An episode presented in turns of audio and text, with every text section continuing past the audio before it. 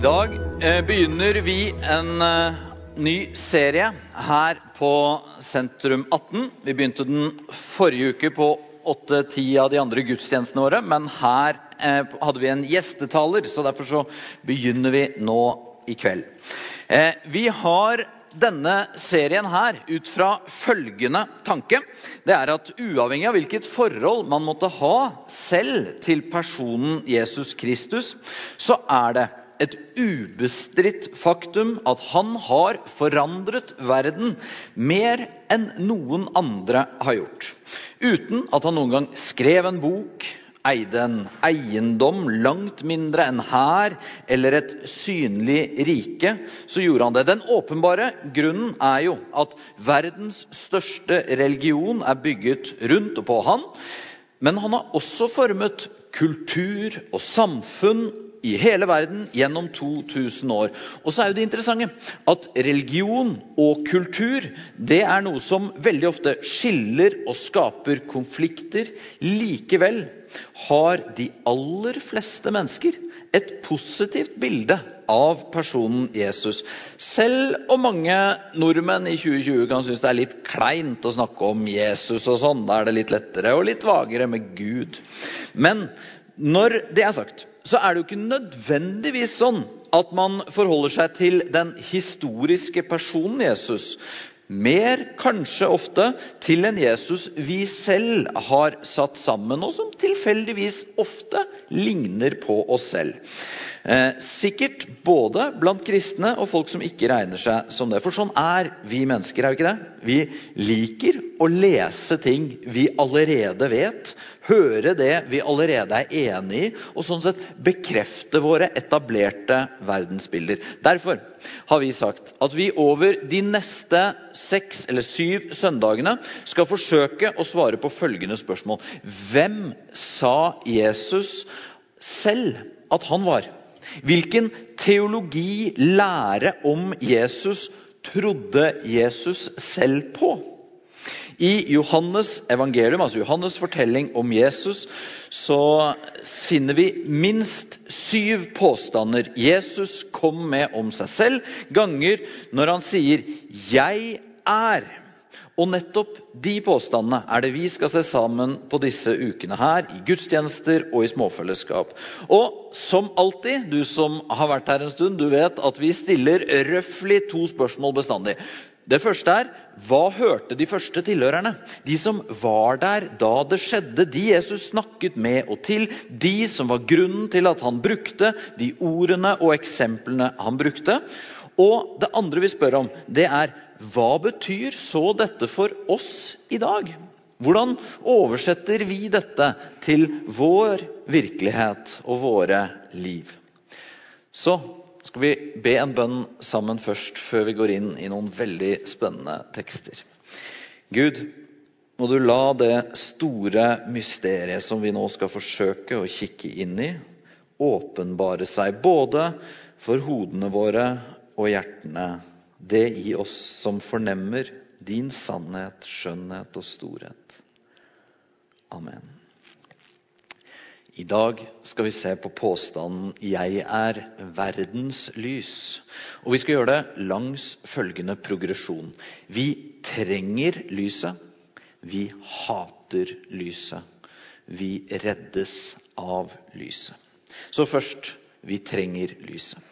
Til alle tider så har mennesker følt på denne kampen mellom lys og mørke, håp og fortvilelse, liv og død. Og mange kulturer og religioner har derfor verdsatt og feiret lyset. For lyset det gir oss liv, det gir energi.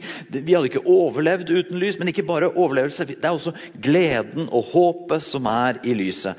Like sant er det at vi alle har opplevd at lyset slukner Natten kommer alltid tilbake, og ethvert lys vi ser rundt oss, er midlertidig. Sånn var det, ikke minst for menneskene på Jesu tid i Israel. Selv om de dagene vi skal gå inn i nå, de var egentlig preget av feiring og fest, men det lå en mørkere tone under. Dette var nemlig den store høytiden i Israel som fortsatt feires den dag i dag, løvhyttefesten. Dette var og er jødenes store feiring av at Gud etter at folket var befridd fra slaveri i Egypt ca. 1300 år før Kristus, så tok Gud vare på dem mens de var flyktninger i ørkenen.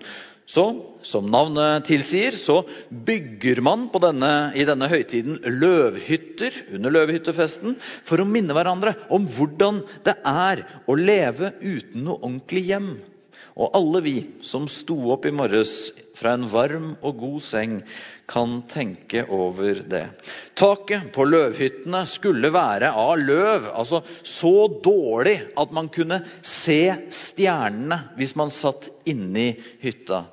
I dag er nok det med hyttebygging mer en sånn artig familieaktivitet som jødiske familier kan gjøre inn mot høytiden, men bakteppet var altså å huske at de hadde vært flyktninger.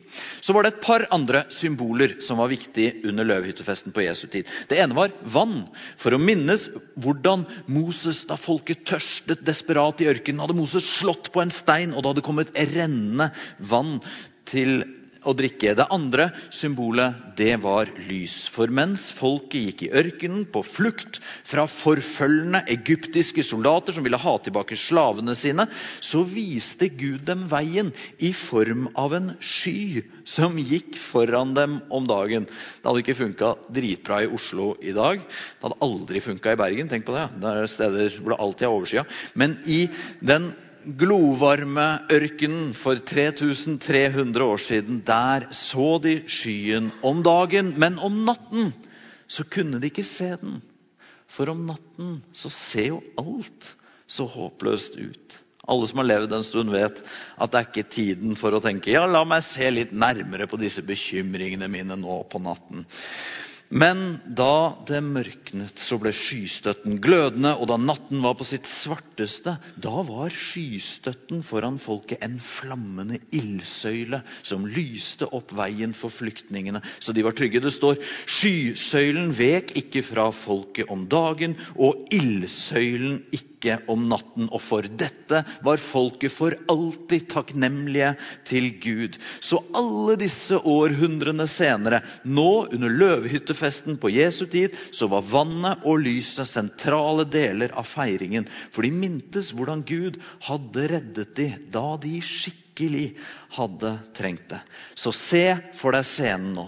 Det var ikke elektrisk lys, gatebelysning og sånne ting på Jesu tid. Det var alltid mørkt hver kveld og hver natt. Men under løvhyttefesten så satte man på tempelplassen opp fire gigantiske lamper som hver seg hadde fire armer, og på hver av armene var det lamper med store beholdere breddfulle av olje, som for datidens mennesker ga et imponerende lys. Menneskene syntes lyset var så kraftfull at de sa det lyste opp hele byen. Og det ble sagt i Jerusalem at kvinnene i Jerusalem kunne bake brød midt på natten under løvehyttefesten. Så lyst var det! gikk de og sa til hverandre. Vet jo ikke om de kvinnene i Jerusalem omfavnet den muligheten til sånn nattbaking, men det var til minne om at Gud hadde lyst opp veien for dem da de var flyktninger. Men så er det jo dette at alle lys slukker. Og vi kan kjenne igjen følelsen av at det er litt vemodig når en høytid går mot slutten. Når eh, man pakker ned juletreet i januar. Hvis du har fått deg plasttre, da. Det er en annen debatt. Men, eller når man tar julestjernene fra vinduene, og det fortsatt er januarmørkt ute. Det var sånn det var siste dag i løvhyttefesten, da de veldige lampene ble slukket. Hverdagen kom tilbake. Mørket kom tilbake. Og igjen ble folket minnet på at mørket alltid vinner til slutt. Jo da, det lyser for en stund, men så slukker det. Og i Jerusalem i disse dagene så var det ekstra trist med de store, mørke lampene på tempelplassen. For de ble en påminner om at det var hundrevis av år nå siden Guds nærvær faktisk hadde vært i tempelet. Tempelet det var blitt vanæret av hedenske hærførere som hadde gått inn i det. Og selv om de hadde lappet det sammen og begynt med offerdyrkingen igjen, så var det en følelse av tomhet over tempelet. Var Gud virkelig der? Profeten Esekiel hadde sagt at Herrens herlighet hadde blitt flyttet. Så jo da, de kunne tenne noen lamper noen dager, men mørket kom alltid tilbake. Så det var vemodig da lampene slokket. Men folket bar likevel et håp om noe annet. Den gamle profeten Zakaria hadde århundrer før profetert om løvhyttefesten. At en dag, en dag skulle løvhyttefesten få et annet og sterkere lys. Den dagen, sa Zakaria, det skal være én lang dag. Herren kjenner den. Ikke dag og natt. Ved kveldstid skal det være lyst. En dag skal natten slutte. En dag skal lyset komme. Men, men hvordan da? Hvordan skal dette lyset være? Skal det komme en ny sånn ildsøyle som i ørkenen? Hvordan skulle Guds herlighet, Guds nærvær, komme? Hvilket lys er det vi mennesker trenger aller mest? Gud hadde hvisket i hjertene til profetene århundrer før, altså i tiden mellom Moses i ørkenen og Jesu tid, at det skulle komme et lys. Men ikke som et bilde, ikke som et tegn, men som en person. Jesaja var kanskje den av profetene som hadde sett det klarest og sagt det på flest måter, som her, i en profeti om han som skulle komme. Jeg har formet deg og gjort deg til en pakt, altså en avtale mellom Gud og mennesker, for folket, til et lys for folkeslagene. Og her jeg gjør deg til lys for folkeslag, så min frelse kan nå jordens ende. Jesaja må ha blitt overveldet av det Gud viste han. Altså, Han du skal sende, skal være lyset. Og du skal ikke bare redde mitt folk, men til jordens ende. Altså, Så mye kan jeg si deg, Gud. Dette kommer ikke folk til å skjønne, og de som skjønner det, de kommer ikke til å like det. Men Jesaja og Zakaria de hadde likevel skapt et håp som fortsatt levde i folket århundrer senere. Så nå, i vemodet, da de store lampene slukket den siste dagen i løvhyttehøytiden, da folkets sorg over at Gud egentlig bare var et fjernt minne fra århundrer tilbake, det ble tydelig enda en gang. Men det var da det skjedde. På den siste dagen i høytiden, den store festdagen, sto Jesus fram og ropte:" Den som tørster, skal komme til meg og drikke. Den som tror på meg, fra hans indre skal det, som Skriften sier, renne elver av levende vann. Hva er det Jesus gjør her nå? Ser du, Nå som vi har etablert bakgrunnen Jo, Jesus viser altså til vannet som de brukte under løvhyttefesten. De gjorde det altså som vi sa til minne om da Moses slo på en stein og det kom vann strømmende ut. Men nå utvider Jesus dette bildet til også å være et bilde på seg selv. At fysisk vann det hadde de fleste i Jerusalem tilgang til. Det har alle i Norge i dag tilgang til. Men det fins en mer grunnleggende tørst. Og Jesus sier dere trenger ikke som Moses å slå på en stein. I stedet så gjør Jesus vannet til et bilde på Guds hellige ånd, som alle som tror, får inni seg. Ser du hva Jesus gjør her? Han tar et symbol, noe som en høytid som de kjente, og så utvider han den og gir den et nytt sentrum. Og det her det kan du legge merke til hvis du leser i Bibelen. Det er noe Jesus gjør hele tiden, helt fram til han til slutt gjør dette med selveste påskehøytiden. Den som jødene feiret til minne om da de slapp fri fra slaveriet i Egypt. Den siste påsken Jesus feiret, så sitter han med vennene sine og så sier han at sentrum ikke lenger skulle være lammene som ble slaktet i Egypt, men at han selv noen timer senere skulle bli lammet som ble slaktet for alle da han ble dømt til døden. Så han utvidet påskens innhold og ga den et nytt sentrum. Akkurat som han gjorde nå med vannet under løvhyttefesten. Så forresten så kan du, som en liten parentes Når Kirken kritiseres for å ha gjort akkurat det her, tatt utgangspunkt i en eksisterende høytid i ulike kulturer i verden og gitt et nytt innhold, så er det egentlig en fortsettelse av det Jesus Jesus selv gjorde. Og for øvrig god kontekstualisering. Ok, Men det var ikke bare vannet i løvhyttefesten som Jesus skulle gi et nytt innhold. Nå kommer han. Mellom de sluknede kjempelampene på tempelplassen. Og det står Igjen talte Jesus til folket og sa, 'Jeg er verdens lys.' Den som følger meg, skal ikke vandre i mørket, men ha livets lys. Og folket stoppet. Hva? Lampene er jo slukket. Er dette det? Er, er det lyset her nå? Mange av tilhørerne denne dagen de hadde som menneskene på den tiden, de hadde Jesajas tekster i bakhodet. Og dette var i så fall stort, for de visste hvordan Jesaja hadde beskrevet den som skulle komme med det lyset. Han, Jesaja hadde f.eks. sagt Dere er mine vitner, sier Herren, og min tjener, som jeg har utvalgt for at dere skal kjenne meg og tro på meg og forstå at jeg er Han. Før meg har ingen Gud blitt formet, og etter meg skal ingen komme. Jeg, jeg er Herren, det fins ingen annen frelser enn jeg. Tenk at Jesaja kunne skrive dette hundrevis av år før Jesus. At Gud sier om Han som kom som lyset, at 'jeg er Han'. Jesaja, fromme jøden som hver dag ba bønnen og sa 'Gud er én'. At han må, han må ha blitt overveldet av dimensjonene over at han som skulle komme med lyset, han skulle være Gud selv. Var det sånn? Etter alle årene så står han her på tempelplassen nå. Gud vet vi har ventet. Gud vet vi trenger lyset. Det er ikke bare flyktningene i ørkenen som trengte det. Det er så mange netter i et liv. Gud vet vi har ventet og ventet, og vi trenger lyset så veldig.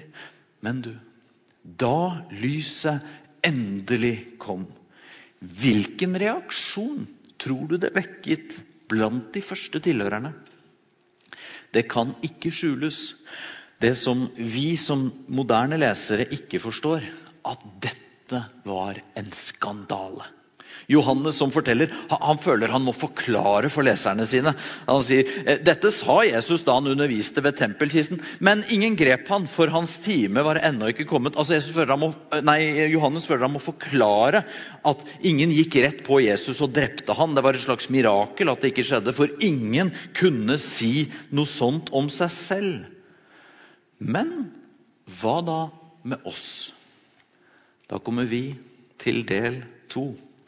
Vi hater lyset. Hjemme hos meg så har vi en konflikt om lys. Nærmere bestemt om LED-lys. Konfliktlinjen går mellom Veronica og meg. Jeg mener at LED-lys er fremtiden. Hun mener det er kaldt og stygt lys. Jeg mener at det har kommet varmt LED-lys, og at det blir for dumt at vi må drive og bestille lyspærer fra England for å få tak i gamle nok lyspærer. Og hun mener at det hadde sett ut som et sykehus hjemme hos oss hvis jeg fikk bestemme. Og sånn kan man holde på i et ekteskap. Det er ganske vakkert. Men litt mer alvorlig. Det er en kraftfull metafor, altså bilde, som Jesus brukte denne dagen. For ja, vi trenger lyset. Det er vår mest grunnleggende form for energi. og Uten det ville alt liv blitt borte. Men samtidig er ikke lyset ufarlig. Det kan gjøre oss vondt. Det er derfor vi blir bedt om husker du det, for all del når det er sånn solformørkelse, for all del ikke se rett inn i solen under en solformørkelse, selv om det ikke ser ut som det er der. Det var riktignok en på et større arrangement i forbindelse med en solformørkelse her som ikke tok den advarselen så tungt. Men vi er helt avhengig av lyset, samtidig som det ikke er ufarlig. Og det er derfor metaforen er så god. For sånn er det også med det lyset Jesus kom med. En kveld i en samtale med en fremstående mann i Jerusalem så forklarte Jesus dette med lyset sånn her. Lyset er kommet til verden, men menneskene elsket mørket høyere enn lyset fordi deres gjerninger var onde. For den som gjør det onde, hater lyset og kommer ikke til lyset for at hans gjerninger ikke skal bli avslørt. Hvis jeg sitter oppe alene og skriver en sen kveld, som det hender jeg gjør når dagene ellers blir for korte, så kan jeg gå inn på kjøkkenet og ta en sjokolade eller noe. og Det føles nesten som det ikke har skjedd, for det var jo ingen som så det. Og vi kan ha, og vi har, mange mer alvorlige ting enn det vi gjør i mørket. Og når vi gjør det, så frykter vi lyset. Vi frykter at noen skal få vite.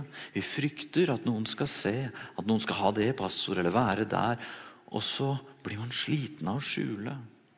Og så sier Jesus, for det fins intet skjult som ikke skal bli synlig, og intet hemmelig som ikke skal bli kjent og komme for dagen.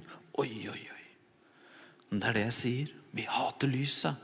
Hvem kan da bli stående? Hvis det er sånn, hvis lyset er så rent og gjennomtrengende at alt blir synlig og avslørt.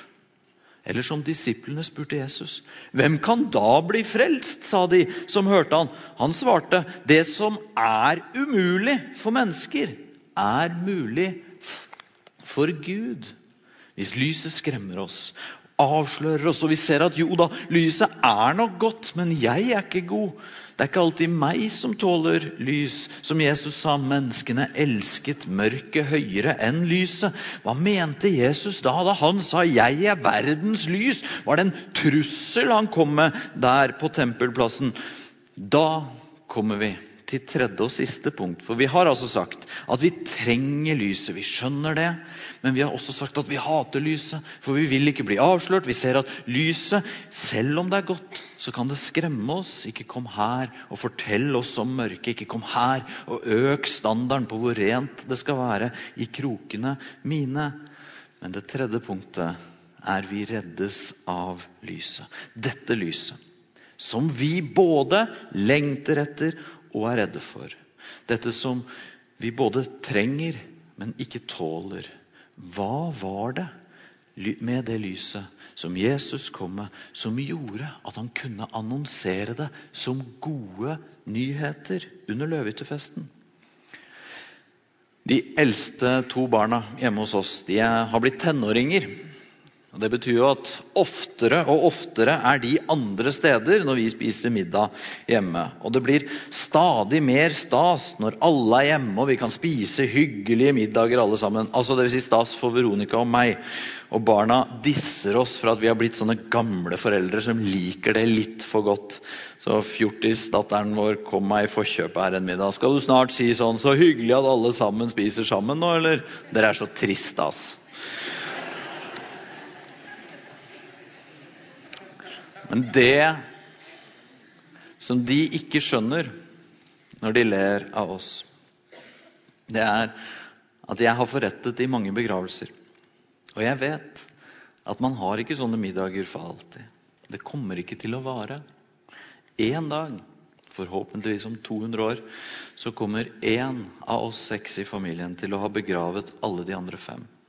For sånn er og sånn går livet. Døden, mørket, er uunngåelig og uovervinnelig.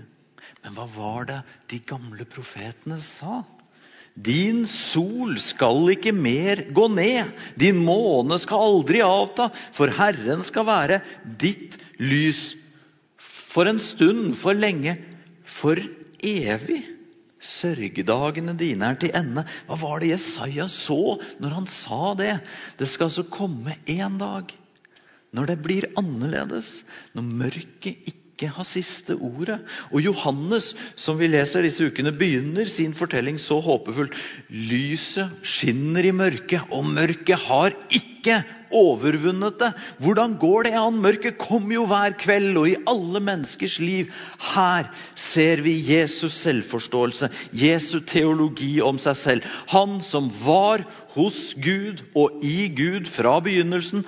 Han kom ikke bare med et lys og sa 'tilbe dette lyset', 'fortjen dette lyset', 'tål dette lyset', 'adlyd dette lyset'. For det var det ingen av oss som klarte. Det var, som vi leste, umulig for mennesket selv. Derfor, da lyset kom, så kom det gjennom en person som altså selv er lyset. Derfor står det 'det sanne lys, som lyser for hvert menneske, kom nå til verden'. Ja, så er det umulig for oss mennesker å se rett inn i solen. Kanskje unntatt Donald Trump, da. Det er umulig å tåle hele lyset. Det er umulig for mennesket å bli frelst av seg selv.